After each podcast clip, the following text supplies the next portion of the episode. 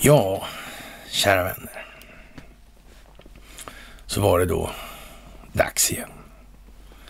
Ett nytt år tar sin början. Jag heter Karl. Den tredje plägar vara Alfreddagen. Jag aldrig gillat spenat. Det kan jag säga på en gång. Alltså. Nej, det är mycket som händer. Väldigt, väldigt mycket som händer. Det är en dramatik som heter duga. Verkligen. Det är fantastiskt. Helt fantastiskt. Vi skriver den 3 januari 2022. Känns konstigt att uttala siffran 2022. Det går lite eh, numerologisk ångest över det där. ja, ja, ja, ja, ja. Som sagt, vi skriver den 3 januari 2022. Och eh, då minsann, då är det en ny vecka och en ny vecka börjar alltid i de här sammanhangen med ett eh, vilken dag i veckan kan det vara nu? Jo, förresten, nu kommer jag ihåg det. Det är måndag och då är det måndagsmys, så är det. Ja, kära ni, det är ju helt otroligt faktiskt. Och jag vill tacka för alla gratulationer på den här födelsedagen. Det är en sån mängd och en sån omfattning på det där antalet gratulationer. Och, och ja, vad jag ska säga, överväldigande är ett milt uttryckt uttryck i den saken. Det är helt makalöst alltså av många människor som faktiskt uppskattar det vi gör tillsammans och känner sig delaktiga i en gemenskap i det här. Det är helt otroligt och eh, jag vill också rikta ett särskilt tack till de här människorna som inte vågar ställa sig upp i ljuset av verkligheten av olika anledningar, eller bör kanske man ska säga. Det handlar inte så mycket om att våga tror jag, för de har vågat göra andra grejer och, och, och mycket värre prylar. Så att, eh, men som faktiskt, ja, ger sig till känna ändå i de här sammanhangen. Det är otroligt värmande att se. Det måste jag faktiskt säga. Otroligt bra. Och som alltid för den här verksamheten vi håller på med, ett enormt tack till er själva. Fantastiskt alltså. Och eh, det är helt otroligt vilken utveckling det är på det här. Och vi är ju en del i det här folkbildningsprojektet som kanske inte riktigt har en så ringa betydelse som många kanske hade trott från början, eller i alla fall börja, börja upptäcka att det här kanske är någonting mer än vad det faktiskt föreföll vara från allra första början. Och det är otroligt roligt att se allt engagemang som följer av det här. Det är ni som gör den här utvecklingen. Det är ni som är rörelsen. Det är ni som är individerna i samhället som utvecklas, som gör att samhället utvecklas. Ja, det är som sagt mycket nu och eh, vi har fått vårt eh, bästa mys någonsin per tidsenhet nedtaget av Youtube och det gällde även en herre i USA, Joe Rogan där, med några läkare som han intervjuade angående det här med covid-19. Och eh, vi ska väl säga det först som sist i den delen att eh, det finns en planering. Det finns en tanke bakom allt det här. Man gick inte in i det här med någon slags jävla ögonbindel. Det gjorde man inte. Det ska man tänka på nu. Och eh, som sagt, det var det bästa myset någonsin förra onsdagen där. Den 29 det försvann alltså. Det var tillika Joe Rogans bästa klipp på Youtube någonsin.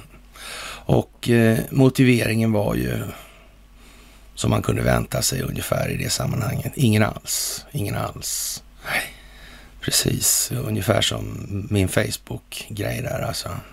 De hade så dåligt med personal på Facebook så det gick inte för mig att överklaga. Eh, okej. Okay. Tyvärr visade det sig att det spelar ingen roll om jag är på Facebook eller inte. Rörelsen är lika fan igång alltså. Det tar oss en sekund att etablera nya plattformar för det här. Men så var det det här med de här plattformarna egentligen. Det här med att eh, ta tag i den här jävla stridsluren alltså. Som Tengil har. Som får draken, drakarna att vända. Tidningsdrakar till exempel kanske. Kan det vara en metafor för. Den dödligt förtärande elden. Hur kommer draken liksom? Sådär. Kan det vara information kanske? You never know you know until you know. Ja. Kan det sitta ihop? Kan det vara planerat? Det är många av er som greppar det här så jävla bra alltså. Det är helt otroligt, helt enkelt. Och eh, ja, vi kör väl igång lite grann och i proppskåpet har det ju brunnit på många håll numera och ett av de ställena tycks vara då Stockholms central just nu faktiskt som drabbas av strömavbrott. Tänka sig. Kommunikationerna blir lidande. Det verkar konstigt. Kan det finnas en tanke? Kan det finnas planering? Vem vinner vad? På vilket? När? Vad är syftet egentligen? Mm. Har den djupa staten handlingsfrihet överhuvudtaget eller är de helt lost från problemformningsinitiativet? Har de tappat narrativet? Har medierna tappat sin roll som informationskanal till delar, till stora delar, till avgörande delar kanske. Kan det vara så? Det kan det vara. Och det är så. Helt jävla säkert. Ja, ni är bäst. Det är bara så. Och eh, det är fantastiskt att få vara med om det här. Ni ska ha det största och tack för precis allt ni gör och den energin ni lägger ner på det här. Det är helt otroligt. Alltså, tack för gåvor och bidrag hos Swish och Patreon. Tack för att ni fördjupar er på karlnorberg.se. Det har ni blivit jätteduktiga på. Det är många tusen per dag som håller på med det. Den saken är helt säker. Och eh, det är jättebra att ni hakar på Telegramtjänsten. Så är det bara. Jaha, och eh, vi trallar väl på lite sådär och eh, i det större perspektiv i det geopolitiska så händer det naturligtvis saker på den afrikanska kontinenten nu när man börjar bryta sönder den djupa statens operativa kraft. Rätt så ordentligt till och med. Den är kraftigt beskuren och i många förekommande fall direkt löjeväckande är det här nu. Det är fantastiskt att se. Det är jättebra och det måste ta sin tid det här. Det går inte på en gång. Det går inte att gripa och avrätta och trallala det här. Det måste vara slut med den typen av spekulationer nu. Har man inte förstått det här ännu, hur processerna går till, hur det här med Sussman-fönstret går till till exempel, att det, man öppnar för någonting som sen ska leda vidare, för det är bara om individen förstår det här som det kommer till stånd någon förändring som är varaktig och värd namnet. Det är bara så. Samhället kan bara utvecklas om individen utvecklas. Det är så också. Och det tror jag faktiskt att de flesta börjar förstå nu. Även om det finns en och annan galaktisk eh, dimensionsfrekvens, ödle, lalala kvar. Men eh, nej, det får vara slut på det där nu tycker jag. Jag tycker vi ställer oss upp på de sakliga grunder vi faktiskt har att stå på. Och så ser vi oss omkring i världen och så ser vi hur sitter det här ihop egentligen? Går det här att dra ihop? Går det här att korrelera till varandra när man korsstabiliserar? Är det verkligen möjligt eller är det omöjligt? Kan vi se mönster? Kan vi se personer? Kan vi se strukturer? Kan vi se olika motiv som har föranlett olika händelseförloppsutvecklingar? Är det möjligt att se det? Eller måste det komma in mystiska oförklarligheter? Eller kommer det rent utav upp sådana här uppstigningar, alltså i dimensioner. Så ingen behöver egentligen göra någonting, utan det kommer av sig själv. Liksom. Så. Det krävs ingen insats av någon. Det går bara lätt liksom på det viset. Allt det här vi gör, det är helt i onödan. Alla kan bara sitta bak och det fixar sig liksom. Är det någon som på allvar tror det? Det tror inte jag det är. Så jag undrar, varför håller man på på det viset? Vi borde alla undra om inte det verkar lite tokigt. i det här läget, när vi har hela planetens informationsinnehåll framför våra näsor under våra fingrar. Känns inte det lite tokigt? Som sagt, måste ha kontroll på informationshanteringen. För det är den största delen av det moderna kriget. Och det är det det här handlar om. Det handlar om folkbildning. Det handlar om informationshanteringen. Det är det vi håller på med. Det är de pusslerna vi lägger hela tiden. Mys efter mys efter mys. Och vi gör det klart, klarare och ännu mer klart. Utan att lägga sig i de försvenskade komparationernas förtrollande värld i det. Sex döda i attack i Kenya.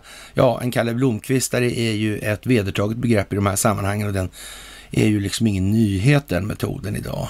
Vad kan det här röra sig om för någonting? Vem har dragit vilken nytta av vad i de här sammanhangen? Det är speciellt.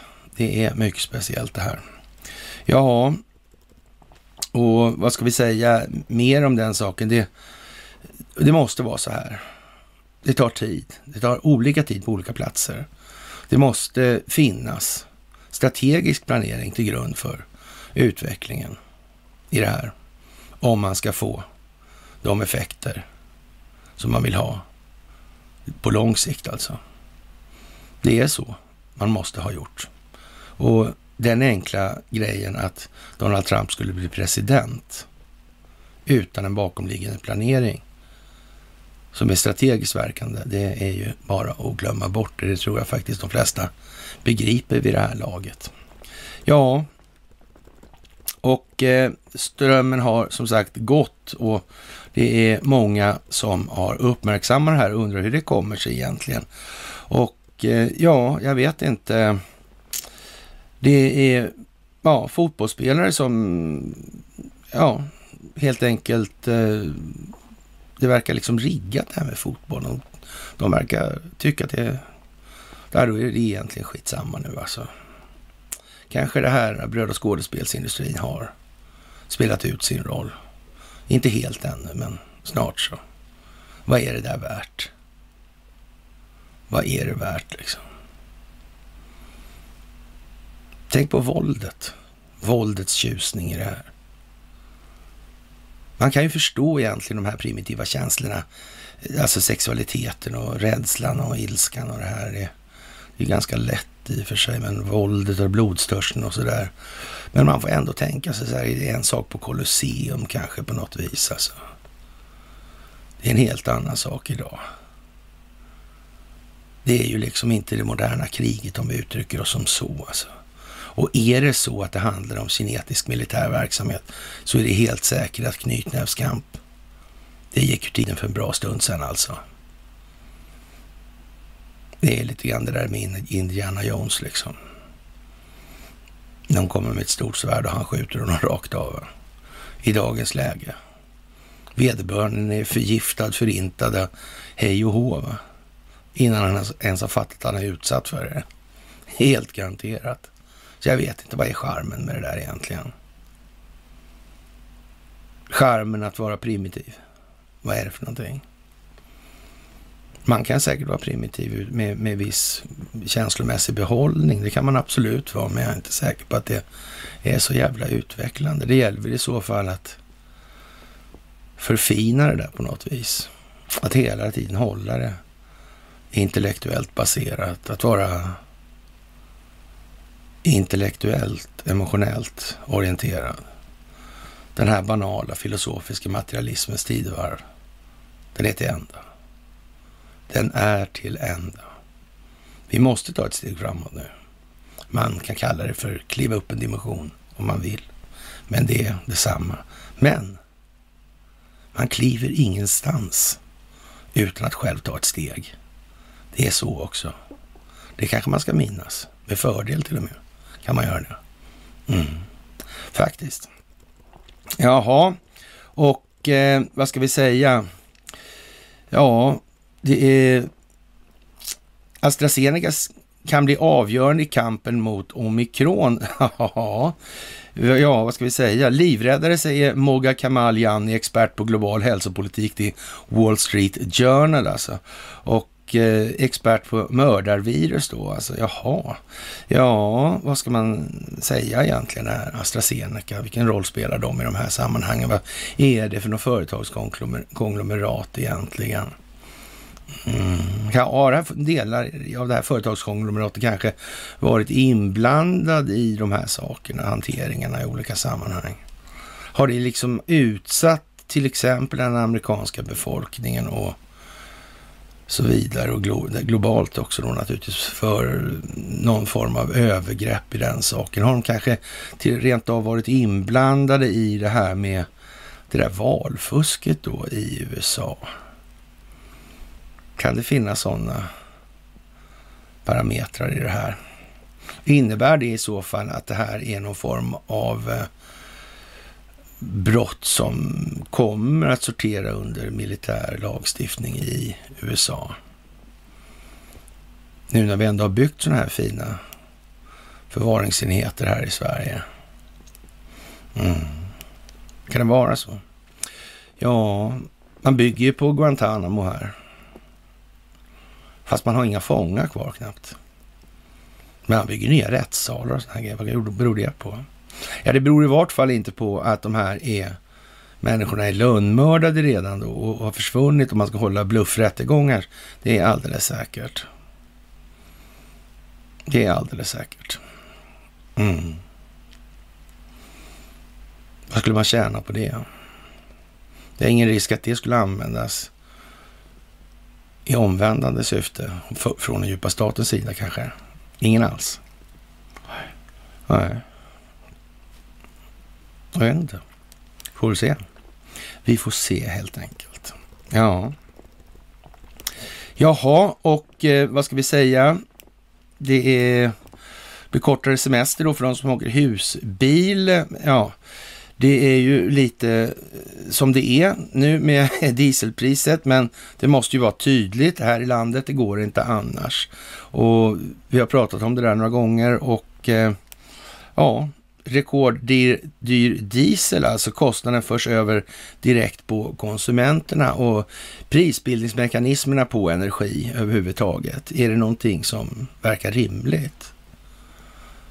Är det för största möjliga samhällsnytta eller är det för någon annan sort av nytta, typ av nytta i det här?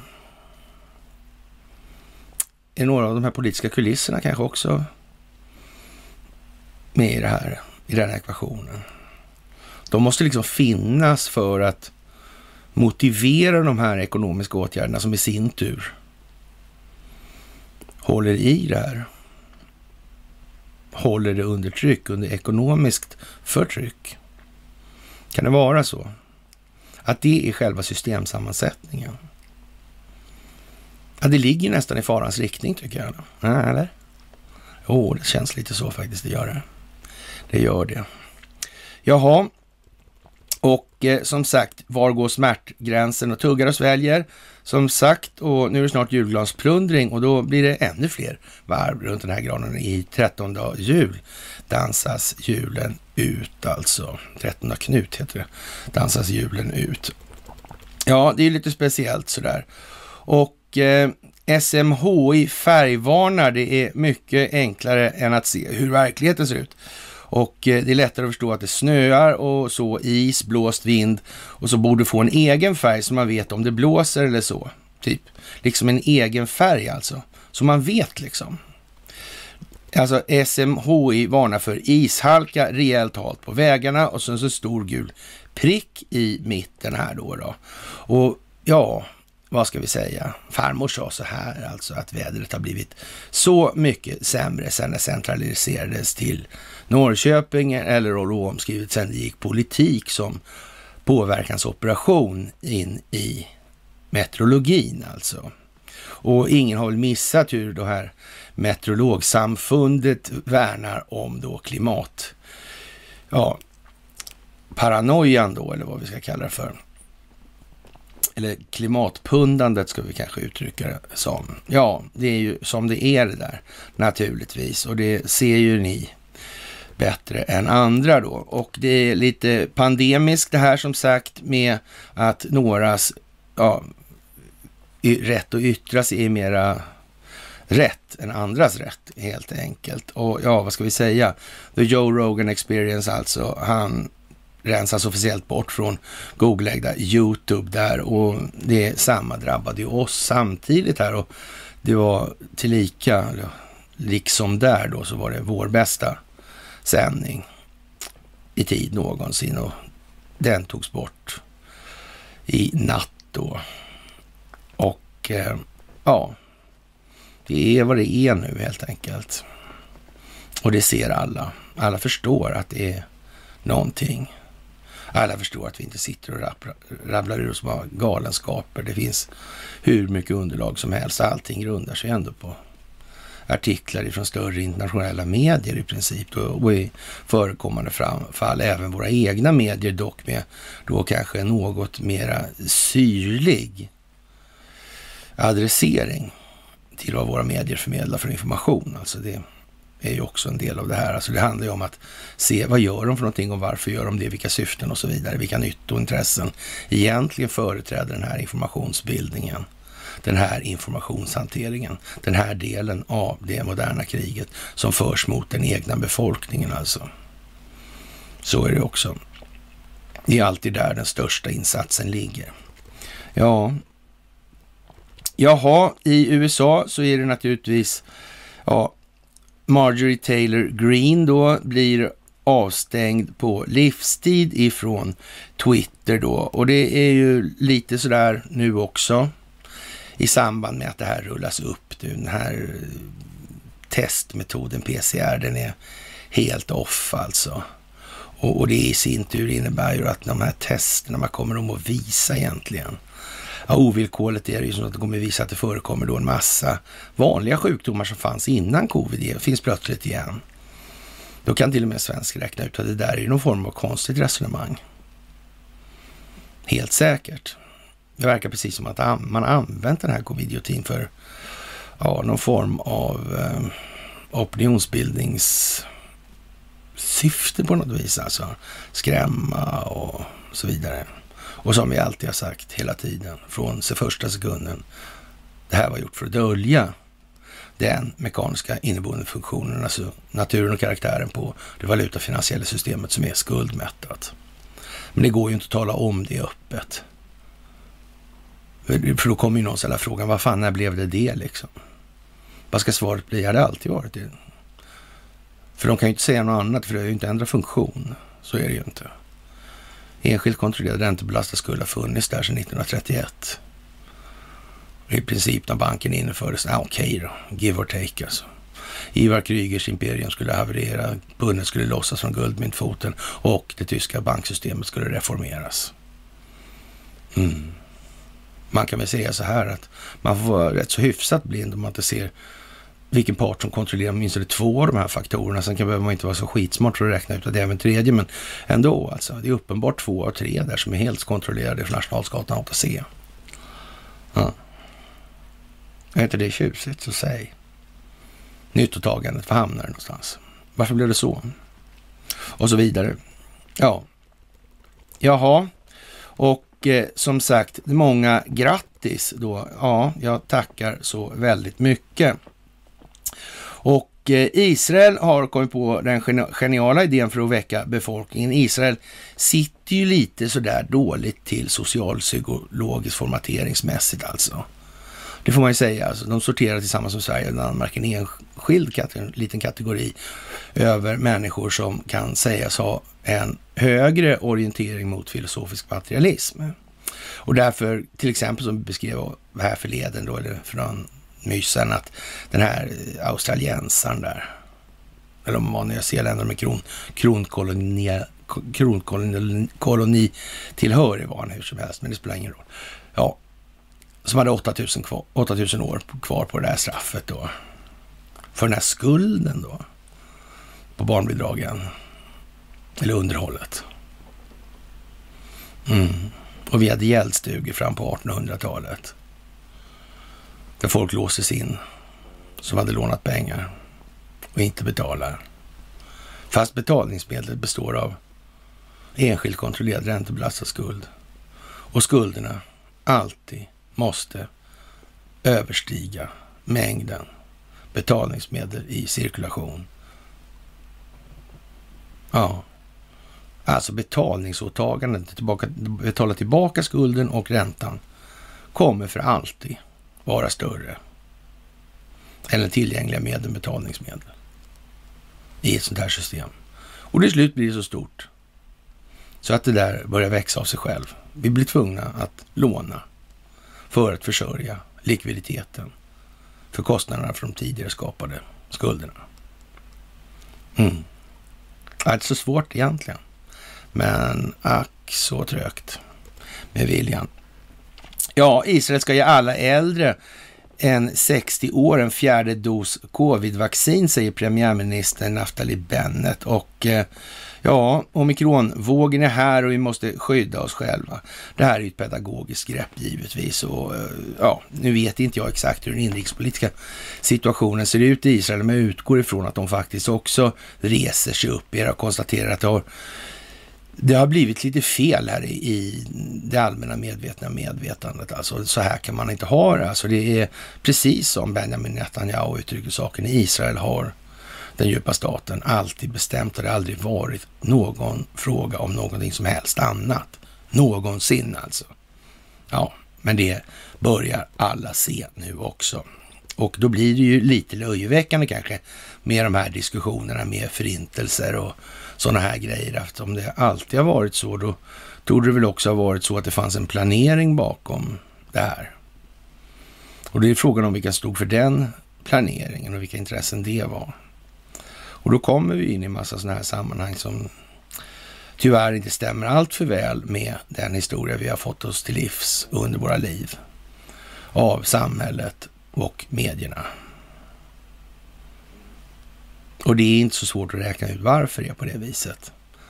Det är allt fler som klarar av att göra det på en gång, faktiskt. Jaha, Ja, USAs president Joe Biden har försäkrat sin ukrainske motsvarighet Vladimir Zelensky att Washington och dess allierade kommer att reagera beslutsamt i händelse av att Moskva invaderar sin granne. Det är ju ganska dramatiskt språkbruk kan man säga, men de pratade i telefon igår på söndagen och Vita huset släppte senare ett uttalande. Bortsett från de vanliga kommentarerna om USAs engagemang för Ukrainas suveränitet och territoriella integritet sa Biden också till Zelensky att Washington inte skulle diskutera några frågor som direkt skulle påverka Kiev bakom ryggen och sa att ingenting om dig utan dig. Eh, ja, det var en nyckelprincip i bilaterala förbindelser. Ja, men Biden har ett problem där alltså. Han har ett problem med energibolag. Nancy Pelosi har ett problem med energibolag. Det finns flera amerikaner som har problem med energibolag. Det finns de som har problem med banker i Ukraina. Inte Swedbank minst alltså, utan det finns en hel del sådana här grejer. Mm. Och som vi har sagt, Ukraina kommer att bli en hotspot för svenskt vidkommande i vad som nu kommer. Det är ingen diskussion om den saken. Även om det kommer många hästar galopperande in på många olika upplopp ur olika perspektiv just nu in mot Sverige och Arsenalsgatan 8C. Det går liksom inte att missa det här längre nu. Det gör inte det. Men som sagt, den breda massan är inte riktigt påvalen ännu. Så det blir några varv till kring granen. Det kommer bli flera år. Helt säkert. Men det kommer att hända stora grejer och det kommer att hända enorma förändringar också. Men vi är ju liksom inte framme vid slutet. Det tar aldrig slut. Det tar den slut, slut den dagen vi slutar utvecklas. Då tar det, eller vilja utvecklas. Då tar det slut. Fast på fel sätt. Vi får aldrig sluta. Det är vår uppgift att gå. Sätta den ena foten framför den andra upprepade gånger. Traska på, helt enkelt. Utvecklas som människor. Förstå oss själva bättre. Våra egna känslogrunder och värderingar och så vidare. Jaha, och eh, Ja, utöver det här att hylla USAs president, eller resident ska vi väl snarare säga då, förtroendeskapande åtgärder för att minska spänningarna i Donbass, såväl som aktiv diplomati för att främja genomförande av Minskavtalen till stöd för Normandieformatet. Och eh, ja, vad är det här egentligen för någonting? Är det inte så att underlivsporslinet faktiskt vet vad han gör? Vad sa Donald Trump för länge sedan? Har aldrig nämnts någonting om vad som krävs där. Man vet ju faktiskt att det handlar om optiken. Kan det vara så att det krävs skådespelare? Kan det vara så att den här eh, Chris Ray, amerikansk underrättelsetjänstchef, har spelat sova räv hela tiden? Varför får han, inte, varför får han aldrig sparken? Det är ju helt sjukt liksom. Varför fick han aldrig... Liksom, varför gjorde de inte åt, något åt det där? Varför lönnmördade de inte på Guantanamo och satte in en replika? Den där typen av uttalanden, de är så jävla omoderna och korkade, så vänligen alltså. Hedra er själva lite bättre, ni som känner att ni absolut måste hålla er med den typen av resonemang. Det är bara så alltså. Det kommer att bli fantastiskt och det här kommer att lösa sig, men det kommer inte att lösa sig på så vis att det blir ja, primitivt. Det finns ingen anledning eftersom det inte kan vara eller utgöra en möjlig målsättning i det här. Målsättningen måste ju vara längre bort. Det går inte med det här primära skiten som syfte och mening. Man måste försöka se längre. Och då duger inte känslostyrning helt enkelt. Då måste intellektet in i ekvationen. Det finns inte annat. Det bara måste vara så. Och det kan inte vara på något som helst annat vis. Vi är inte fullkomliga som individer och våra primära känslor, alltså primitiva känslor. Prim alltså. Primfunktion. Mm. Man måste tänka efter. Ord är viktiga. Det har påpekats till leda. Tårögd leda av många. Ska han tjata om det nu igen? De där förbannade orden. Kan man inte bara få vara glad? Eller varför inte? Ska vi inte prata om något trevligt? Ni vet hur det är. Själva. Så tänk också på att ni själva spelar en roll i de här sammanhangen. Men ja, det är bra att komma ihåg faktiskt. Jaha, och eh, vad ska vi säga?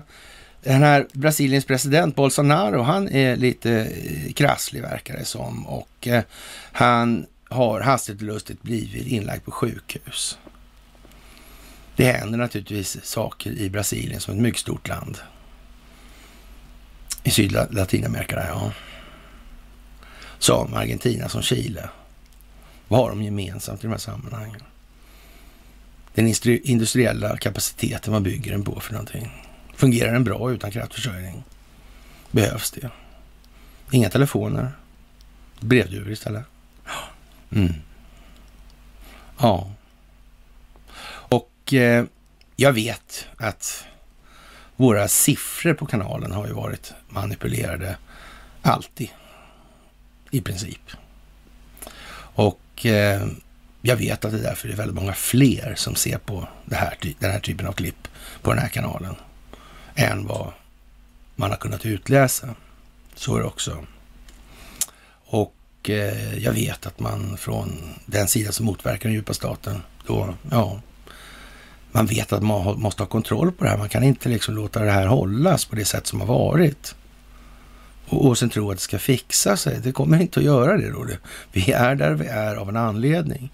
Man har låtit spelare hit för att kunna exponera. Man har låtit resident underlivsporslin ta den ja, masken på sig helt enkelt. Mm, för att exponera, vad är det här för någonting?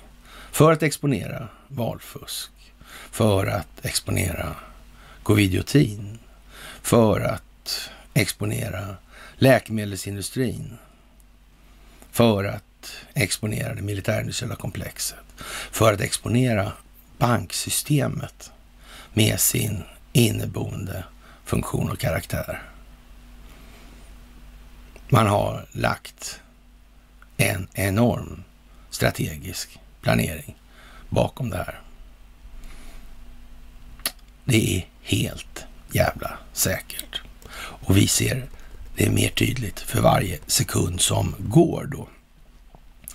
Och eh, ja, det är ju lite som det är. Bolsonaro han knivhuggs för ett par år sedan och det kan ju möjligen spöka i de här sammanhangen. Och eh, ja, han har problem med tarmarna då och eh, ja, som sagt.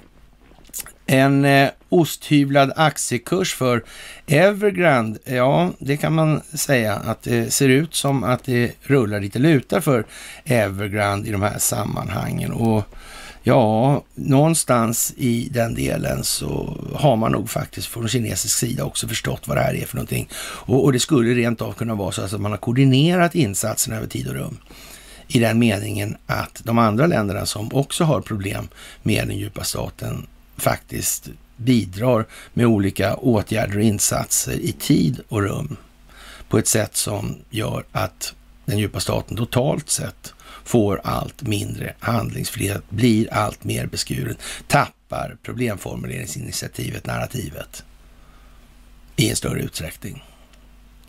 Det är vad det här handlar om. Och det är fantastiskt att det är så många i det här landet nu som faktiskt kliver upp på en så pass hög intellektuell nivå att det här är vad då hög abstraktionsförmåga, eller, ja, på tanken det som Stefan Ingves sa att, att riksbanksdirektionen led en så påtaglig brist av en gång i tiden. Och, och möjligtvis är det väl därför han så att säga förblir vid rodret som styr man hela tiden. Han kommer liksom inte därifrån, det går inte. Det är för jävla snävt i kurvorna för de andra. Mm. Så det är lite komiskt faktiskt, det får man ju ändå säga. Och eh, jaha, de här avstängningarna, det är ju vad det är naturligtvis. Och yttrandefrihet, det är ju någon form av grundläggande rättighet kan man ju tycka i olika sammanhang, dock inte under de här enskilt kontrollerade vinstmaximeringsintressenas regim då. Där, där kan man inte räkna med att få ut. Det bygger ju inte på det alltså. Det är ju tvärtom då. Det ser vi ju faktiskt konsekvenserna av här och nu. Och, och de flesta börjar ju tycka att det är lite konstigt att det där får hållas.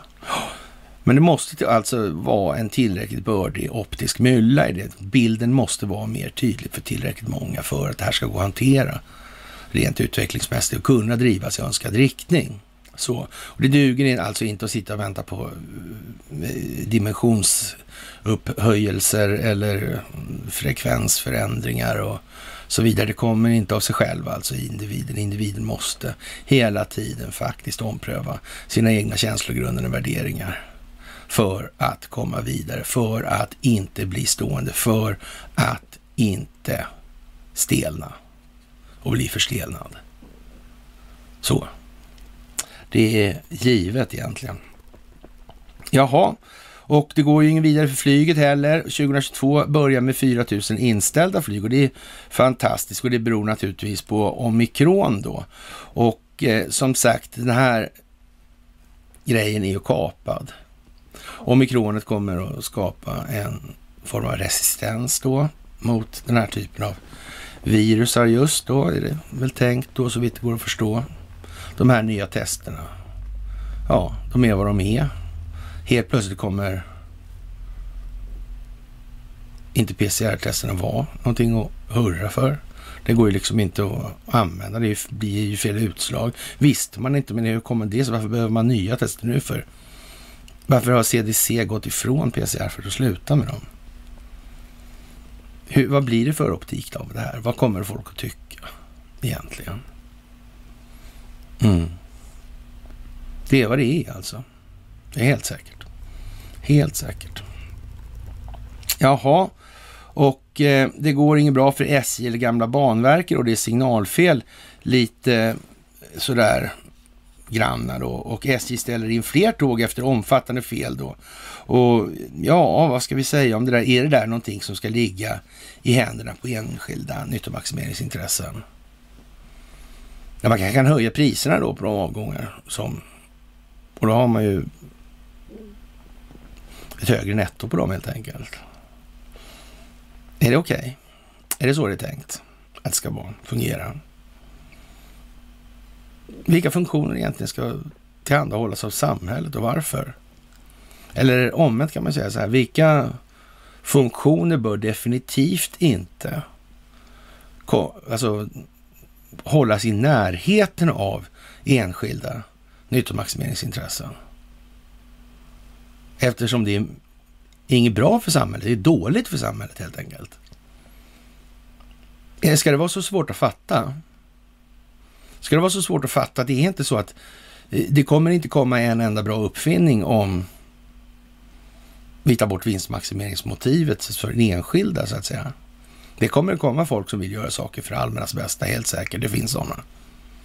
Kanske är det mer av det vi behöver än mindre av det. Det kan ju möjligen vara på det viset. Jag vet inte, men det är, många som har svårt att se det så faktiskt. Och det kan man ju tycka är lite beklagligt möjligen. Jaha, signalfel är som det är. I USA då så har försvarsministern Lloyd Austin efter att ha blivit då dubbelvaxad och boostad och hela middevitten där så har han fått covid. Och ja, vad ska man säga? Han får hålla sig i den där eh, eller det intervallet där han då så att säga är, om vi uttrycker så, han är tacksam för, för att han inte fick svår covid och dog och såna här grejer. Alltså det blir lite grann löjligt nu va. Det blir det. Och de som inte vill förstå henne, de får hålla på med sina varv runt lyktstolpar eller granar. Va? Det, det, är bara så helt enkelt. Och förr eller senare så märker de att de kommer ingen vart faktiskt. De går runt, runt i cirklar, de utvecklas ingenting. Mm. Och det gamla samhället kommer aldrig tillbaka. Det är dags att fatta det nu alltså. Det är... Det går bara inte att göra det här för snabbt för sig själv. Alltså, på det. Man, måste, man tänker efter och sen så har man gjort det ordentligt. Och, och sen är man ärlig med sig själv. Alltså, är det här ens rimligt? Hålla på och tramsa på det här viset. Det bygger på skådespel också optik. Det måste finnas, som vi har sagt, det måste finnas rätt många dinosar. Mm. Ödlor kanske? Ja. Kan det finnas anledning till det? Att det heter så? Kanske djupt grundat, man vet ju inte. Det kan finnas historiska exempel på det här. Det kan ju vara så då, faktiskt. Där de här myter och så och sägner uppstår då. Och eh, Ja, professor i USA varnar för att USA kan bli en diktatur 2030 här om det kommer, går så illa så att Donald Trump kommer tillbaka. Vi vill ju inte ta det här för att Donald Trump aldrig har lämnat eller sådär, utan att det här är bara teater, det är ju ingenting som någon vill kännas vid. Alltså då är man helt galen. Om man säger något så här, att det här är en långsiktig strategisk planering som leder fram till att man sanerar bort den djupa staten som ingrediens i det geopolitiska spelet. Att den här globalismen och det här förespråkandet av frihandel som måste regleras. Man hör ju liksom att det är regler, vadå? Fri? Det är väl utan regler det antar jag. Ja. Och så måste man göra regler för den då. Mm. Och är det regler, vem skriver reglerna med vilket syfte? Det är inte för att gynna någon som skriver reglerna här, det är för några andra skull, eller? Jaha. Ja, ja. Jaha. Ja, man vet ju inte så noga nu för tiden. Det är så mycket konstigt som händer. Jaha, och eh, ja, expert sprider panik och rädsla att räkna smittfall, Det säger man då i USA då. Och eh, man får nästan ställa sig frågan, var inte det själva tanken då? Det här var, gick inte den sidan ut. Det får man ju misstänka att det var ju faktiskt ett opinionsbildningssyfte med det här som tidningarna höll på med. och, och liksom skrämma upp folk och få dem att ta de här vaxen då och så vidare. Och boostershots och allt vad det är då. Mm. IQ-test sa vi från början. Mm. Mark my words to the letter. Ja, vad det här kommer visa sig vara. Mm. Är det rimligt att det är liksom... Det är liksom, det kommer få, ja, antrax att framstå som rena hälsosmörjan liksom. Mm. Alla vidlyftiga grejer, de här är allt ifrån befolkningsreduktions bla bla bla. Vem kan det vara som friskar på i den ändan då? Det handlar om teater. Mm. De här grejerna, många av de här som gör konstiga saker nu, vad är det inte det? Verkar liksom lite over the top sådär. Behöver det vara helt utan planering? Det tror jag inte. Någon kan ha tänkt till. Vi ska inte utesluta den risken helt ännu. Nej.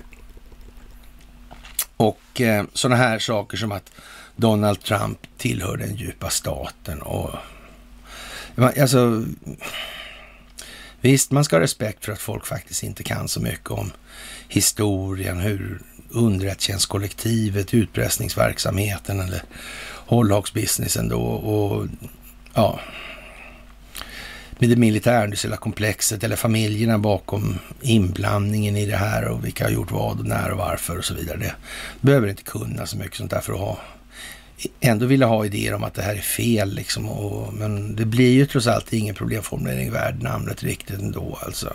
Utan det blir massa yvigt skit i det. Och förändringen kommer bara och sen kan vi gå tillbaka till vårt gamla liv igen. Som ledde oss hit. Undrar vad det kommer leda oss den gången då? Ingen behöver ändra på någonting utan det är bara att köra så blir allt bra istället för som det blev nu.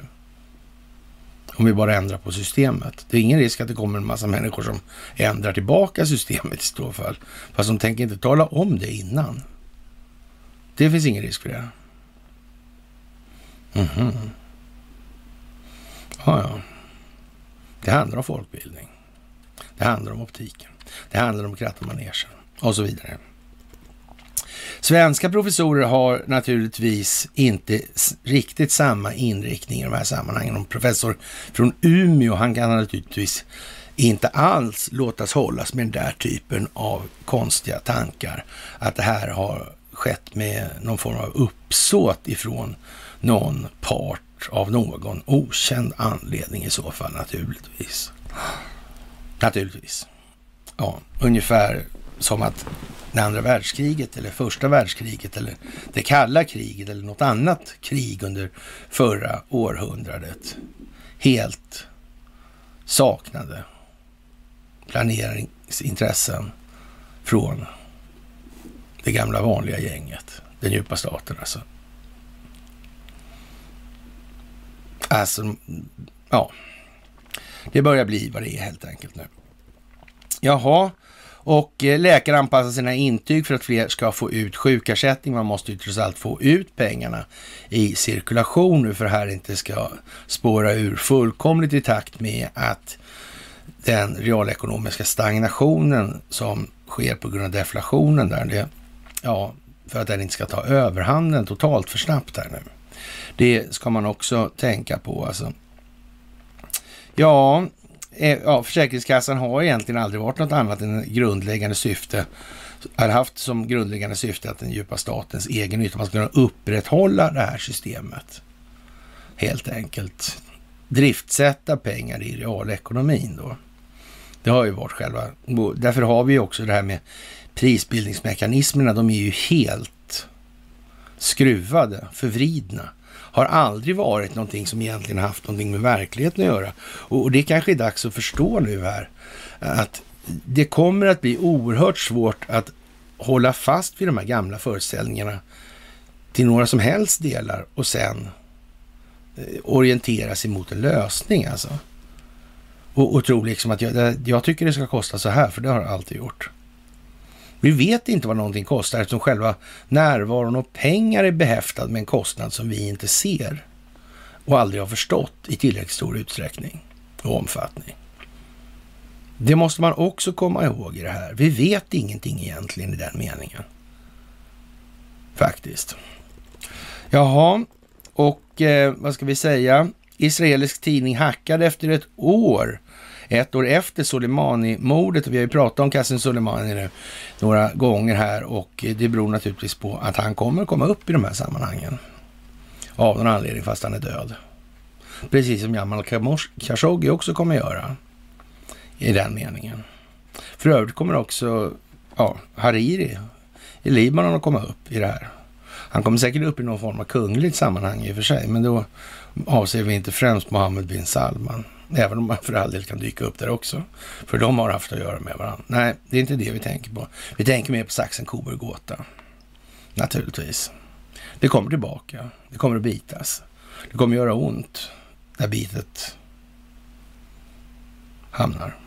Bettet hamnar. Mm. Uthörda bestens bett var det va? På Cecils bar. En ugnspartan. Kanske. Mm. Jag tror det var så. Ja, ja. Jaha, och eh, ett fartyg i Röda havet har blivit kapad av Houthi-rebellerna och eh, det där är ju en gammal fin konflikt numera och det ska inte grävas så mycket järnvägstunnlar. Helt enkelt över det här, ja, Adenviken då, eller upp till Adenviken. Det ska helst inte göra det. Och Eh, det handlar naturligtvis om strategiska naturresursflöden i den här meningen också. Det där med järnvägar från Afrika, det har aldrig varit populärt helt enkelt. Och eh, ja, det är samma organisationer, det är samma strukturer, det är samma jävla företagsintressen i det här, precis som det alltid har varit. Och ni vet mycket väl vad vi pratar om i det här. Och eh, jaha, Fler politiker vill förbjuda omvändelseterapi alltså. Och eh, ja, det känns svenskt. Så kan man ju säga. Och eh, en ny term då är på väg att ympas in i språket och jag hoppas att en kommande proposition som vanligt innebär en grundlig, kristallklar definition som höljer över intrycket av särbehandling. Ja, jag vet inte vad vi, vi ska säga det här med att prata med varandra. Det är klart att det kan ju vara farligt, alltså kommunicera. Det kan det ju vara. Och, och vederbörande har ingen som helst ansvar för att känna och tänka någonting. Det är bara liksom att sitta still och trycka in grejer i ögonen så här. Ja, eller i öronen. Eller hur är det egentligen? Jag tror ni vet det här. Så det blir lite...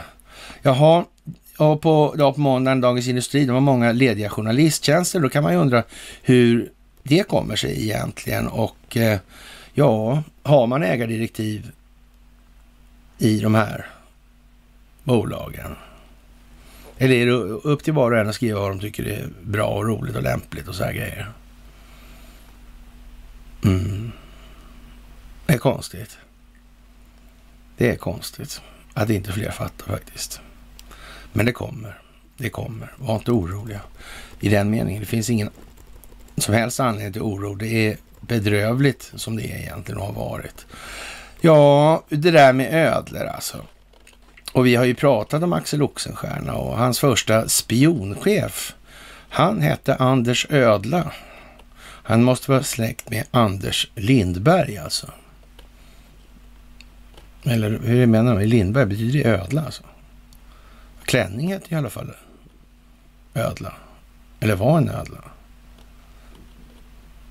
Och jag vet inte. Alltså Lindberg, Anders där, han är väl mer lik... Eh, ja, jag vet inte. Grima Ormtunga. Kanske. Ja, just det, Ormtunga, då är han en ödla också. Ja, ja det är så här Double speech, ja, ja. Ja, ja. Det är det här med folksägner, sagor. Hur är det där? Ja, det är fantastiskt och eh, som sagt, ja, det är ju lite sådär med allt sånt här nu. Det är orden, det är tankarna. Ord påverkar tankar.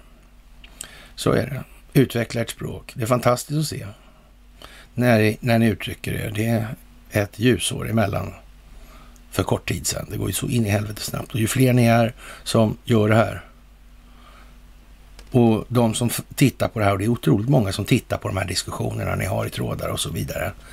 Och det är mycket, mycket, mycket starkare än vad någon utanför det här vill erkänna. Det är bara så. Det här är vägen framåt. Många andra vet det, men de, ja, de vill helst ha makt. Helt enkelt. De vill bestämma. Ja. Men det är inte att leda. Det är det inte. Det är det inte. Mm. Ni är fantastiska. Det ska man fan inte sticka under stol med alltså. Jaha. Och eh, ja, vad ska vi säga? Vi, vårat klipp då från den 29 är som sagt borta, men det kommer att eh, komma tillbaka bita dem i, ja, där det känns helt enkelt. Det är planerat så. Alldeles, alldeles säkert så är det på så vis. Och ja, det var tydligen i fler länder som sagt var samtidigt. Och det var pop mest populära klippet och så vidare och så vidare. Ja, vad ska vi säga? Vi har sagt det förut och vi kan säga det igen. Vi är inte alltid genom imponerade av alternativrörelser och den verksamhet som bedrivs där. Det saknas enormt mycket. Man säger man kommer med lösningar. På vad? Man har för fan inte klarat ut vad som är problemet. Eller har vi missat den detaljen när vi inte har sett det? Eller vad är meningen? Eller kanske är det något annat problem som är mer överskuggande och mer viktigt? Som inte är en konsekvens av de mest fundamentala delarna, som att ta de delar som till exempel finns i det moderna kriget som ändå måste anses vara... Alltså de visste inte vad moderna kriget var, nej. Nej, nej, nej. Men är det inte liksom lite risk för att man kanske gör lite sneda bedömningar då? Vad är det vidare? Nej, nej det är det inte. Nej. Mm, mm, mm. Men det känns inte som som barn som håller på. Jag vill ha, jag vill ha. Mamma. Mm. Känns inte så moget det där alltså. Det känns lite snudd på iskallt faktiskt. Ja, ja, men det kommer att visa sig. Det är helt jävla hugget i sten alltså. Jaha, och det är ju som sagt i Kina som det här Evergrande har vissa problem då. Och märkligt nog då, och nu tänker vi i termer av att det är någon som har planerat här. Och Kinas erfarenhet av ett fåtal svenskar som på ett brutalt vis lägger sig i Kinas inre angelägenheter är inte att betrakta som ringa, alltså den är ganska stor. Och för eget vidkommande så anser då Peking att det, man pratar alltså om 200 år då, give or take. Ja, det är ju lång tid. Eller hur? Det är en lång tid. Mm. Det finns ju etablerat här och var. En och annan sån här techmiljardär på Nasdaq och sådär va? Tror jag. Mm. En och annan Börje i, vissa, i en och annan Alibaba-styrelse som direktör där och hej och va. Lite sånt. Mm. Djupa staten finns i Kina ja. Och nu har man då jättekonstigt faktiskt, eh, så att säga 39 byggnader då, då är på något vis eh, illegala och måste demoleras inom tio dagar enligt officiella eh, dokument. Mm. Man kanske kan flyga in flygplan i dem så de ramlar ihop i, i avtrycken och så tar, evakuerar man innan så det inte blir några personskador. Det liksom måste ju vara en metod man kan använda sig av. Mm. På, på så vis så, jag vet inte, eller är det så att någonting ska döljas i de här husen? Eller finns det någonting i de där husen som inte ska fortsätta att aktivt fungera En minskad interoperatibilitet. Va? Eller hur fan är det där egentligen? Vad är det man vill åstadkomma här? Det Är det så mycket dassig bokföring som i Building 7 där som man måste sopa igen? Nej, nej. Det där är staten på något vis som... Mm. Ja, den kinesiska kommunistiska hårda diktaturstaten naturligtvis, säger då svenska medier. Nej, vi, jag vet inte nödvändigtvis kanske så. Alltså, nej. Ja, jag tror att den kinesiska djupa staten, de här fastighetsbolagen, har nog någon, det kanske finns någon, någon teknologisk verksamhet i de här husen då till exempel. Mm. Kan det vara så? Ja. Men att man bara tar över dem där, exproprierar dem där, det verkar ju... Det inte, går inte lika bra då av någon anledning. Nej, men vi vet ju inte. Vi får väl se vad, vad, vad det mynnar ut i. Det kommer att visa sig. Vi har en aning. Vi har fler aningar faktiskt. Mm. Och eh, ja, det är ju mycket som sker och vi har alltså hur mycket som helst som händer hela tiden nu. Och det är ju faktiskt lite eh, speciellt, får man säga, i det här. Och eh, den här historien i USA och valet till exempel, ja, man måste alltså ha en, en topp då, alltså så att säga, som mynnar ut i en, om man säger, säger som så här, att stresskonen då lite grann alltså ledningen ska sitta längst ner i stresskonen i det här då. Och det är ju, ja, vad man ska säga. Roligare är det ju inte att leda. Man har mest saker att tänka på då, den som gör det. Det är ju bara så. Det är klart att alla skulle väl vilja gå runt och vara helt bekymmerslösa. Mm. Men det fungerar inte så i verkligheten. Vi måste ta vårt ansvar. Vi måste finna lyckan på resan. Och den resan går i och genom oss själva och vår egen förmåga att utvecklas, att ifrågasätta våra egna känslogrundande värderingar. Alltså, ni tycker väl inte att jag låter tjatig med de där mantramässiga rabblingarna. Nej, det tycker ni inte. Ni tycker det är jättebra. Ja, det blir så i alla fall nu. Som sagt. Ja, och eh, Anders Lindberg. Ja, vad ska jag säga? Han är ju som han är alltså. Uh, ja. Trumps nästa period kan bli värre än den första och ja, jag vet inte. Ja, Viktor Orbán har skapat en manual till hur man monterar ner demokratin inifrån. Hans recept är i grunden enkel. Undgräv institutionerna. Jaha, minsann ja. Är institutionaliserad korruption ett problem för Anders? Eller det kanske inte finns då? För annars får man ju säga att det är en förutsättning för att få bort den här jävla korruptionen som är institutionaliserad. Då måste man ju på något vis göra någonting åt institutionerna. Och det går ju inte bara att gå in och ta över dem rakt av och lägga ner.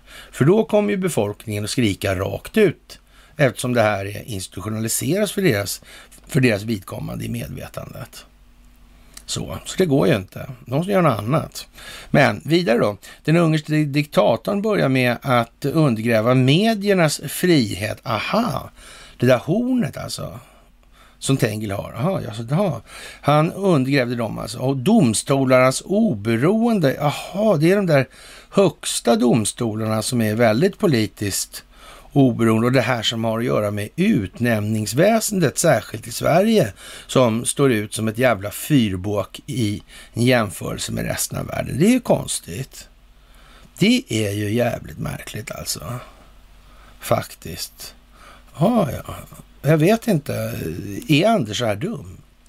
Nej, det är han inte faktiskt. Han är tvungen att skriva så här. Och eh, ja, och sen var det utbildningsväsendet. Har vi pratat om det här med språkvård och, och de här instanserna och institutionerna? Har vi gjort det någon gång kanske?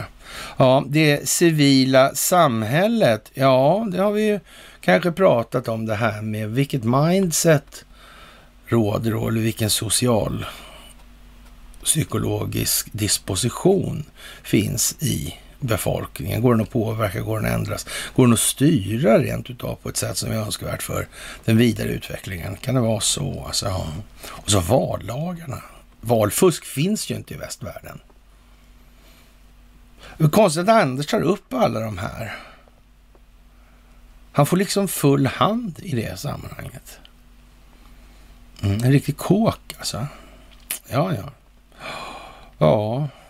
Några år senare kunde han i praktiken inte avsättas eftersom valsystemet var riggat och oppositionen splittrad. Ja. Konstigt det där. Sossarna satt rätt länge vill jag minnas. Det kanske var fel, jag minns fel. Ja, ja, ja. Räkna med att Donald Trump tar efter så mycket av detta som han kan. Han kommer även med all säkerhet återuppta sina goda relationer med Ryssland över Europas huvud och sitt förakt för traditionella allierade. Anders vill inte riktigt köpa det, att det är ingen som vill vara kompis med honom på riktigt. Det är det som är det trista för hans vidkommande. Han kan inte acceptera det. Att problemet med honom själv, det ligger hos honom själv. Inte hos omvärlden som ska anpassa sig till honom som han ser på saken. Det är inte så det fungerar. Och människor ska vara individer, det vill säga det är det enda människor kan vara. Odelbara i den meningen att de kan bara uppleva sina egna känslor och tankar. Aldrig någon annans. Många säger att de kan det. Men eh, ja, som sagt, alla diskussioner är inte riktigt meningsfulla att föra med avseende på den möjliga målsättningen helt enkelt. Ja, om, eh, ja, om man fortsätter angreppen på NATO återstår att se, men risken är uppenbar att en Trump eh, 2-administration försvagar väst och undergräver Europas säkerhet. Donald Trump var illa nog första gången, men vi bör nog förbereda oss på att uppföljaren kan bli betydligt värre. Ett år efter stormningen av Kapitolium har ett nytt försök till statskupp redan inletts. Vindarna mot Slussen i Stockholm ökar påtagligt. Det vet Anders Lindberg. Han vet det. Det finns inget att diskutera i den meningen. Och Anders, han är näppeligen så jävla imbecill så han tror på allvar på vad han skriver. Det har jag helt jättesvårt och jag har väl pratat rätt mycket med han i verkligheten. Sådär så att, jaha. Imorgon, idag alltså, så går det inte längre att handla med Evergrands aktie. Bolaget har inte lämnat någon förklaring. Och eh, ja, som sagt, det är som det är nu. Och det kommer dramatik längs vägen, tro ingenting annat.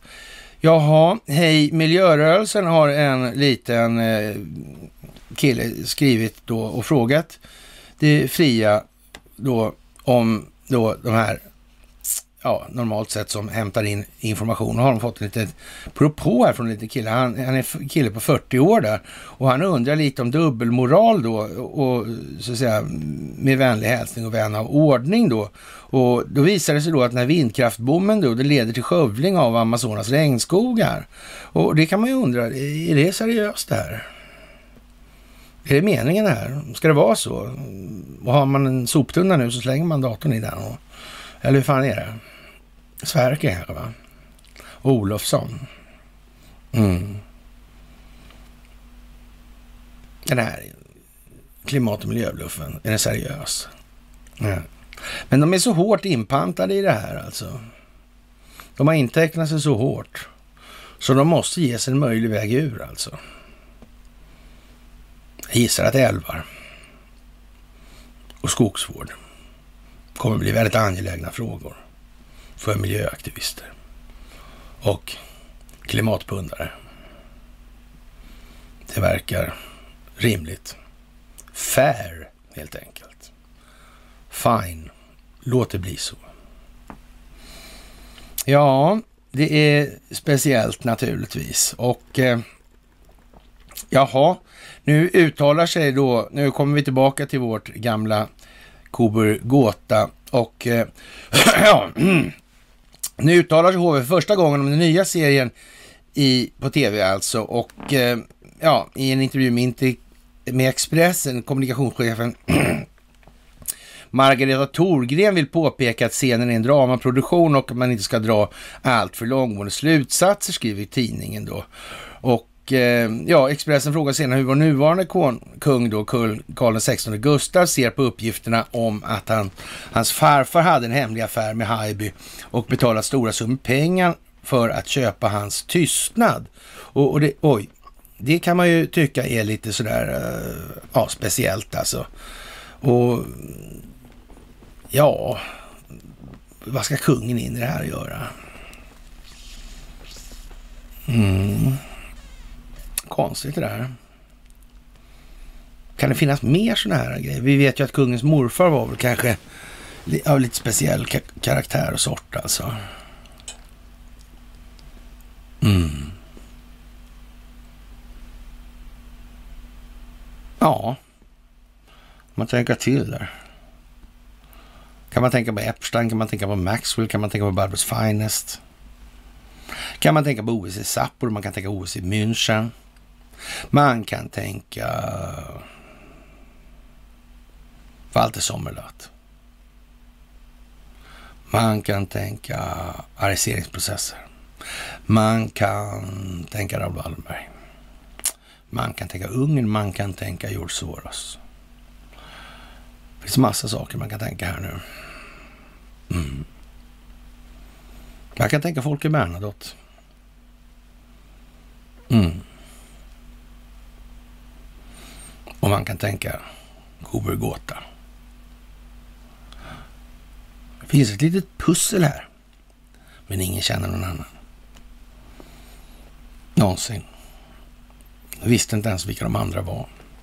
Ja, det hör till utpressningsbrottets natur att den som utsätts för utpressning för att skydda sitt anseende kan försättas i en situation där varje respons leder till misskreditering vare sig man betalar utpressaren eller inte. Det vore därför olyckligt att dra allt för långtgående slutsatser av betydelsen av de betalningar som på den tiden gjordes från den kungliga hovstaterna till Haijby, säger man då från den Margareta Thoréns sida. Och, och, det kan ju kanske äga sin riktighet i, i någon mån, men man, man eh, får nog fan tänka sig ändå alltså att det, ja, alltså, mm, jag vet inte, alltså vad är liksom misskrediteringen och vad var det som har ägt rum här egentligen och vad var de här rättsröteskandalerna egentligen och så vidare. Och det är lite konstigt det där nästan va? Får man väl säga. Märkligt. Den här tiden var förundlig. Utrikesministrarna var speciella. Christian Günther inte minst, men för all del Östen Undén. Man gick inte av för hacker heller. Vad hände egentligen i de här Washingtonförhandlingarna? Vad hände Bosch-affärerna? Ja, vi vet ju att det här underrättelsetjänstmaterialet från Stella Polaris handlades med fem länder, båda sidorna i andra världskriget. Det vet vi ju. Och vi vet att eh, de här två Wallenberggökarna ja, i alla fall utåt sett gick, kom en förklaring då att den ena hade blivit galen och gjort det här bakom ryggen på den andra.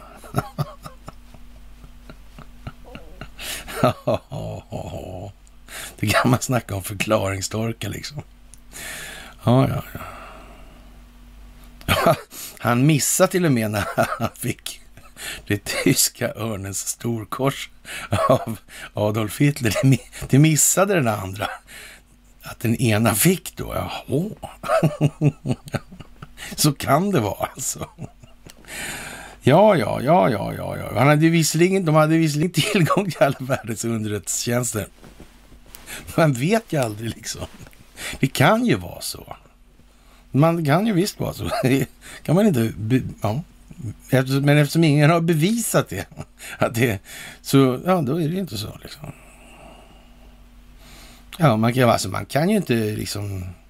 Om man hoppar ut från ett plan och så, så ramlar man ner på marken och slår i alltså, då är det inte bevisat att man inte kan flyga. Man kanske inte försökte flyga, så går det inte att veta.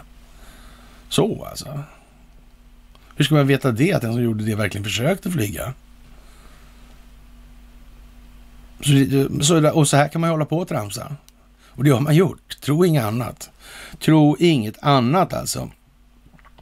Ja, och eh, ja, vad ska vi säga?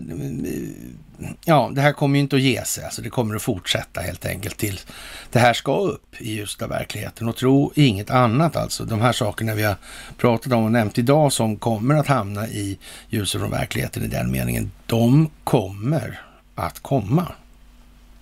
Så är det bara. Ja, vår historia är vad det är och med avseende på det kan man säga att eh, vilka journalister vill då ta risken att göra Assange sällskap, frågar sig då den intellektuella och moraliska giganten Jan Guillou då. För övrigt en ganska småväxt typ, så det är ju tur att hans moral reser sig över den tämligen, ja, vad ska vi säga, ömkliga byggnaden i fråga då. då. Och eh, anklagelser mot den amerikanska visselblåsaren avslöjanden var detsamma som riktades mot mig och Peter Bratt i den samtidigt pågående IB-affären, nämligen spioneri, krigsförbrytare och myglande regeringen anser nämligen alltid att det är spioneri för att avslöja krigsförbrytelser och politiskt mygel, säger Jan Guillou då. Peter Bratt, han säger nog inte riktigt samma sak om Jan Guillou i det här, även om Peter Bratt hade då liksom en Eh, inte precis obetydlig del i det här, till exempel den avgörande och stora delen, eller i princip allting. Men hur blev det egentligen med straffen och såna här grejer? Och hur var det egentligen med eh, Jan Guillou och Leif GW Persson här i Doris Hopp-härvan, Geijeraffären? Och, och Leif GW, han sitter ju som expert nu i aktiesammanhang. Och, och ja, vad ska man säga? Och det är inte det enda lilla märkliga som Leif GW har gjort. Han, han satt ju på Polishögskolan som professor, herregud ja.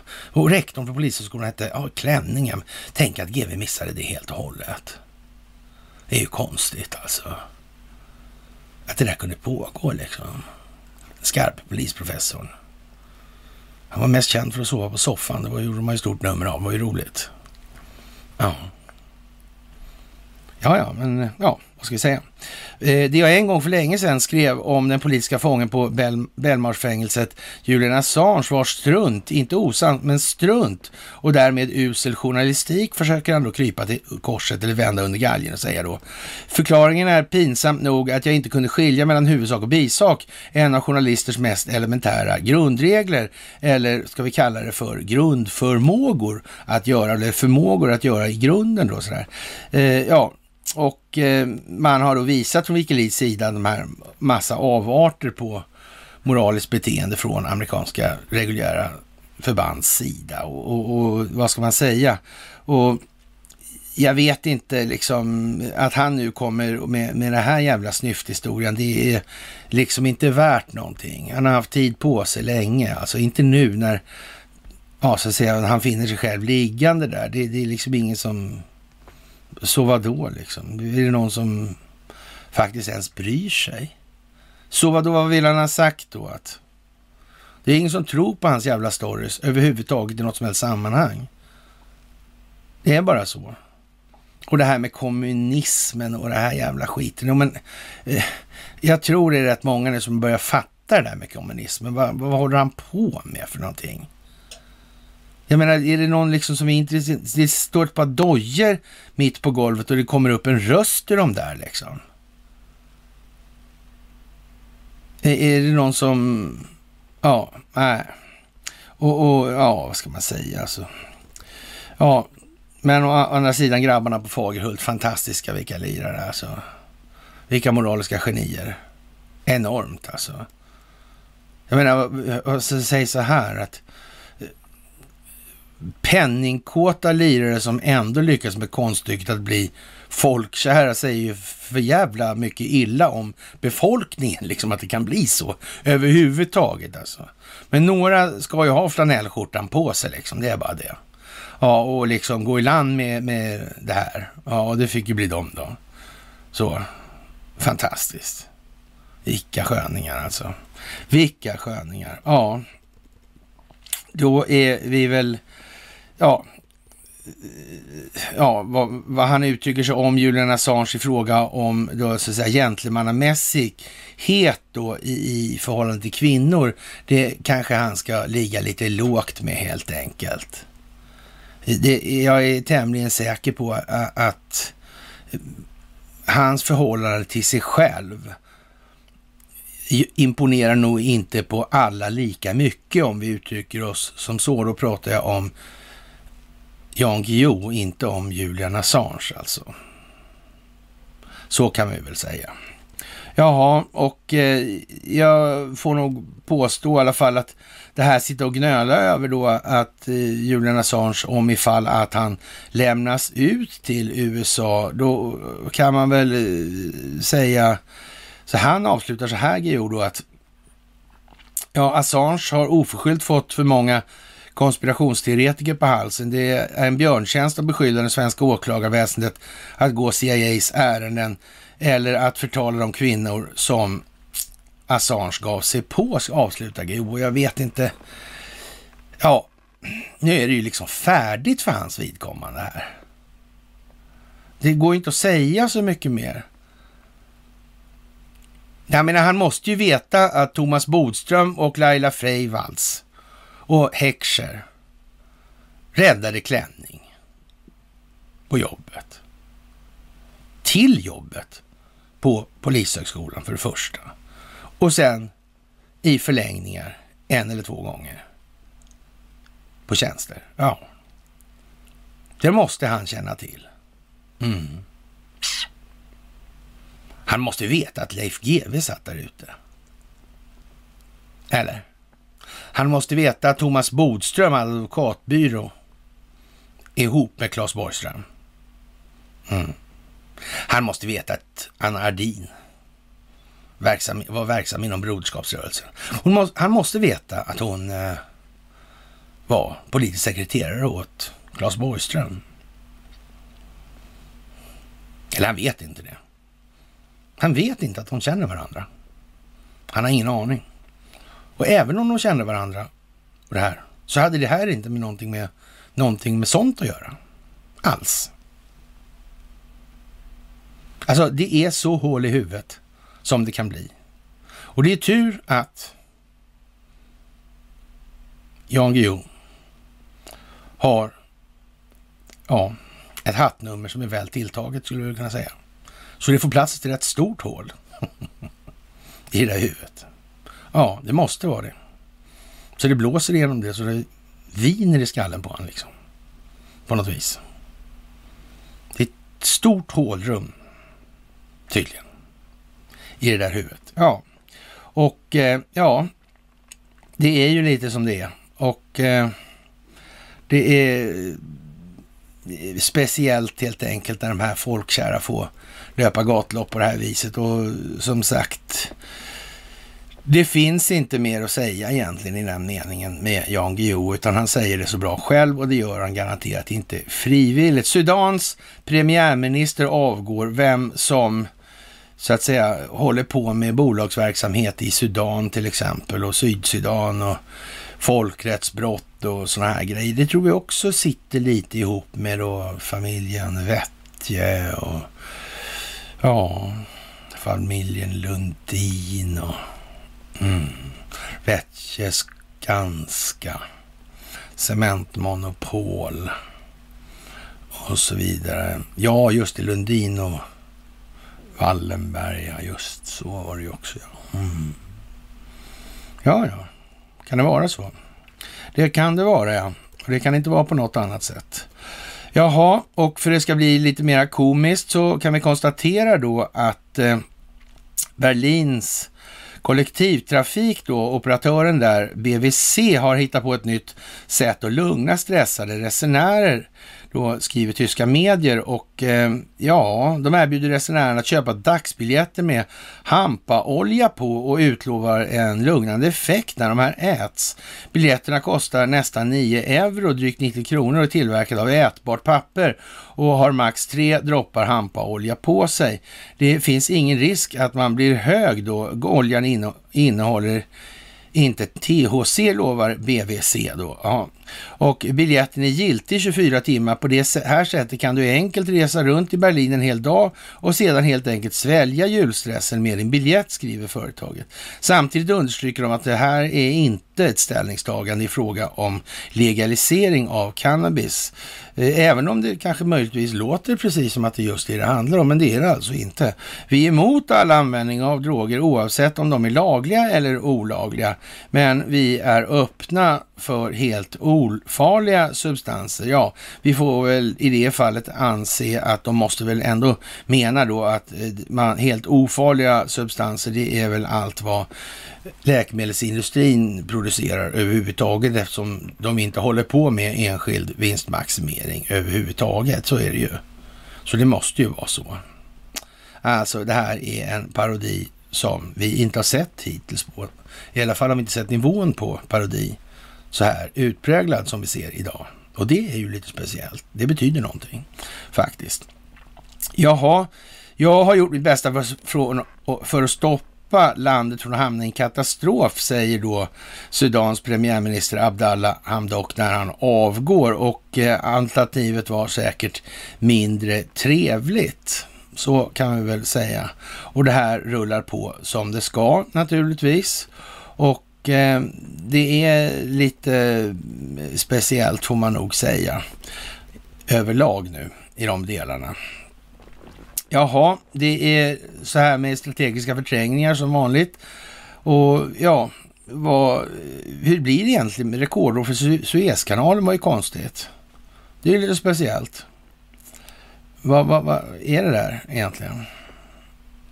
Var inte det som jätte allting var jättedåligt. Är det någonting som är fel här alltså? Har det rört sig mer varor alltså? Men, men mm, ja, är inte det konstigt?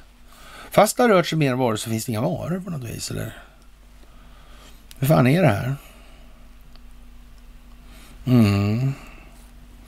Ja, det är lite sådär. Man får tänka till här nu. Vad, finns det tankar bakom det här eller vad är det för någonting? Ja, ja. Ghislaine Maxwell har en bror som säger att hon kommer inte namnge några andra förövare i de här sammanhangen då. Då kanske man undrar vilka då? Finns det andra? Vet hon om det? Blir det inte, om hon vet, säger det att eh, hon tänker inte namnge andra människor som har funnits inblandade. Är inte, som, inte det en uppenbar risk för att hon ägnar sig åt skyddande av brottslingar nu? I den meningen. Och hur blir det då egentligen då om det visar sig att till exempel Bill Clinton har funnits med i de här sammanhangen. Jag menar, han har varit president ändå, är inte det allvarligt? Hur vet man helt säkert att Bill Clinton inte har utsatts för påpressning eller påtryckningar politiskt eller politiska påtryckningar? Hur vet man det? Borde man inte ta reda på det? Ska man strunta i det?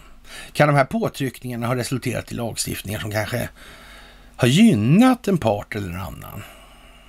Jag vet inte vad det skulle kunna vara för några parter, men det var ju något tal där som han höll då, för, för någon telefonfirma, eller hur fan var det där? Jag tror eh, 2009 tror jag det var och jag tror Donald Trump tog upp det 2016. Alltså det, det verkar ju ha pågått en stund det här. Mm. Är inte det konstigt? Det är konstigt. Ja, ja, sådär alltså. Mm. Som sagt, det här är ingenting för småhandlare. Det här är ingenting som man behöver bry sig om. handlar om pedofilverksamheter på det sättet i annan mening än att det här är ren och skär utpressningsbusiness när det är underrättelsetjänster inblandade. Och visar det sig då till exempel att den här amerikanska presidenten har fattat massa beslut under tvång eller tvångsmässighet. Hur blir det med giltigheten för de här besluten egentligen? Mm. Kanske det här har varit satt i system. Mm. Kan det vara så? Att det finns massor med beslut som egentligen saknar laga grund. Jaha. Skulle kunna vara en tanke. Ja, vi lär få se.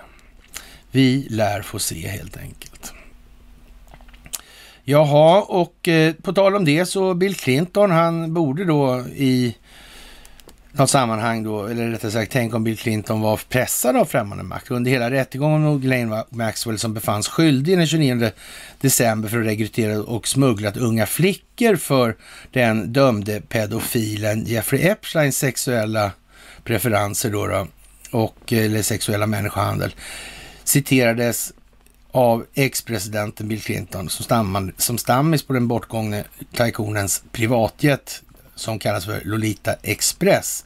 Och eh, ja, vad ska vi säga? Det, det, är nog inte riktigt bra det där att de, valsar runt statschefer där alltså. Uh, skulle kunna tänkas sig komma surt efter. Och tänk de här korkade underrättelsetjänsterna som inte förstod att de här kunde utsättas för utpressning. Mm -hmm. Det väcker inga tankar hos människor när man uttrycker sig där. Nej. Jo, det gör det. Jag vet att det gör det. Och det är jävligt bra och det är det som är meningen. Även om det är spydigt och raljant och så vidare. Men det är precis vad det som har varit själva syftet bakom det. Så är det.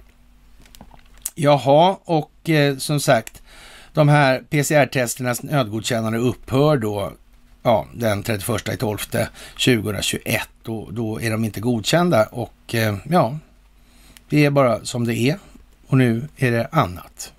Det är en ny vecka och det är nya tider i den meningen också. Jaha, och eh, slump ska vi kanske prata om. Det är ju lite vad det är eftersom otur är vad det är och tur är när omständigheter kommer till förberedelser. Och det här har naturligtvis man rent språkvårdsmässigt försökt hantera på något lite mer tillkrånglat sätt så, så folk inte ska förstå att det här är egentligen helt banalt. Det är väldigt få saker inom alltet då som ja, saknar koppling till något annat. Det är ju liksom på det viset. Och eh, slump är något som avgör vad som händer då händelseförloppet inte är deterministiskt, alltså inte till alla delar beror på vad som hänt tidigare. Och eventuella avvikelser inte kan förklaras med medvetna handlingar. Ja, som sagt, det är lite språkvård här. Och slump används för att beskriva oförutsägbarhet som vanligen beror på en eller flera orsaker och skiljer mellan deterministisk slump som handlar om oförmåga att analysera bakgrunder och orsakssamband och inte, inte determinist, indeterministisk slump som inte kan förklaras på det sättet då. Och eh, ja, vad ska vi säga? Och det här har naturligtvis C.G. Jung och, och flera andra har lagt sig i det, i det här naturligtvis. Och vad, vad, då blir, vad blir det då av det här i grund och botten? Det går liksom inte med, med vanlig logik i de här sammanhangen. Det duger inte. Och det man skriver här när man försöker förklara det här, det är ju liksom ren rappakalja. Och, och ja, man, man, kan ju säga så här, en mindre vedertagen definition på ordet slump är en akronym för strategiskt löpande underrättelsestyrd målsökande planering. Så kan man ju säga. Och, och, allt det där som de skriver till för att dölja det lite mera grundläggande fundamentala och helt uppenbara faktum som råder i det här. Det kan man ju lugnt konstatera. Och det ska vi nog inte glömma bort i vad som kommer nu. Vi tog upp det här med att svenskarna som har skänkt mest till Clinton, vi behöver inte fördjupa oss i vilka det är. Det kan alla räkna ut själva och en del är numera åtalade för folkrättsbrott helt enkelt. Och Parlamentet i Sydafrika brinner och det är ju som det är naturligtvis. Och eh, ja, EU-kommissionen vill lista kärnkraft och naturgas som hållbara. Det vet ni ju om vid det här laget. Och eh, Sudan släcker mobilnät för att stoppa demonstrationer. Och vilka som finns i Sudan i de här sammanhangen, det tror jag inte heller vi, vi, vi behöver fördjupa oss i helt enkelt. Och eh, vi har gått igenom en massa olika eh, saker som händer och vad det här för med sig och varför det händer och vad som ska komma sen. Och vi kan hur säkert som helst konstatera att nu står vi inför övergripande förändringar. Det kommer att bli rättegångar på Guantanamo, Kuba. Det kommer att bli beläggning på de här säkerhetsbyggnaderna som Sverige har byggt här. De där två företeelserna, de är sammankopplade. De här globalistintressena som har verkat under flera hundra år när det gäller 1900-talet i en utsträckning som är närmast obegriplig. De har legat i herrejävlar alltså. Det har de gjort. Det har man väl märkt det. Upptäckt det. Förstått det. Insett det. Ja, då blir de egna föreställningarna lite annorlunda på en gång. Det var inte mycket bevänt med det där egentligen billiga hästhandlare, schackrare, charlataner. Eller vill de göra gällande att de har en moralisk resning och andlig hållning som motsvarar vad som kommer ur käften på dem? Intressant. Vad fint. Lyckan kommer och lyckan går kan man säga. Om man vill vara vänlig i det. Ja, med det, kära vänner, så ja, jag vet inte. Det är ju lite svårt att, att så att säga undvika det här bruset eller den här stormen som pågår runt husknutarna runt stugan Sverige. Eller ankdammen Sverige kanske vi ska säga. Det är det ju. Och vad säger de svenska partier, politiska partierna i de här sammanhangen? om en enda av de frågor som jag pratar om idag här. Vad säger alternativmedierna om det här? Ja, de säger ju samma sak som de etablerade politikerna gör. I och för sig. Största möjliga tystnad. Det är fantastiskt. Men ni ska ha tack. Ni ska ha det största av tack. Ni är fantastiska. Det här går fantastiskt bra också. Det har varit en fantastisk tid det gångna året och det kommer bli en ännu mer fantastisk tid det här året som kommer. Vi kommer få uppleva saker tillsammans som människan aldrig upplevt. Vi har vår roll att spela och den ska vi se till att fylla väl. Med det, kära vänner, så har vi dragit igenom det första av mysen det här året. Och Eh, ja, vi får väl se hur upptrappningen går till angående det här jävla, den här jävla luren som styr Katla alltså. Och eh, som sagt, den måste man ha kontroll på. Man måste ha kontroll på techjättarna och man måste ha kontroll på underrättelsetjänstkollektivet. Och det har man redan i de väsentliga delar, eller de vitala delar i alla fall, som krävs för att genomföra det här.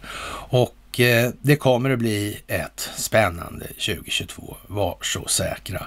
Och med de orden så får jag önska er en trevlig måndagkväll och vi hörs på onsdag om inget annat och oförutsett inträffar. Okej, trevlig måndagkväll då på er.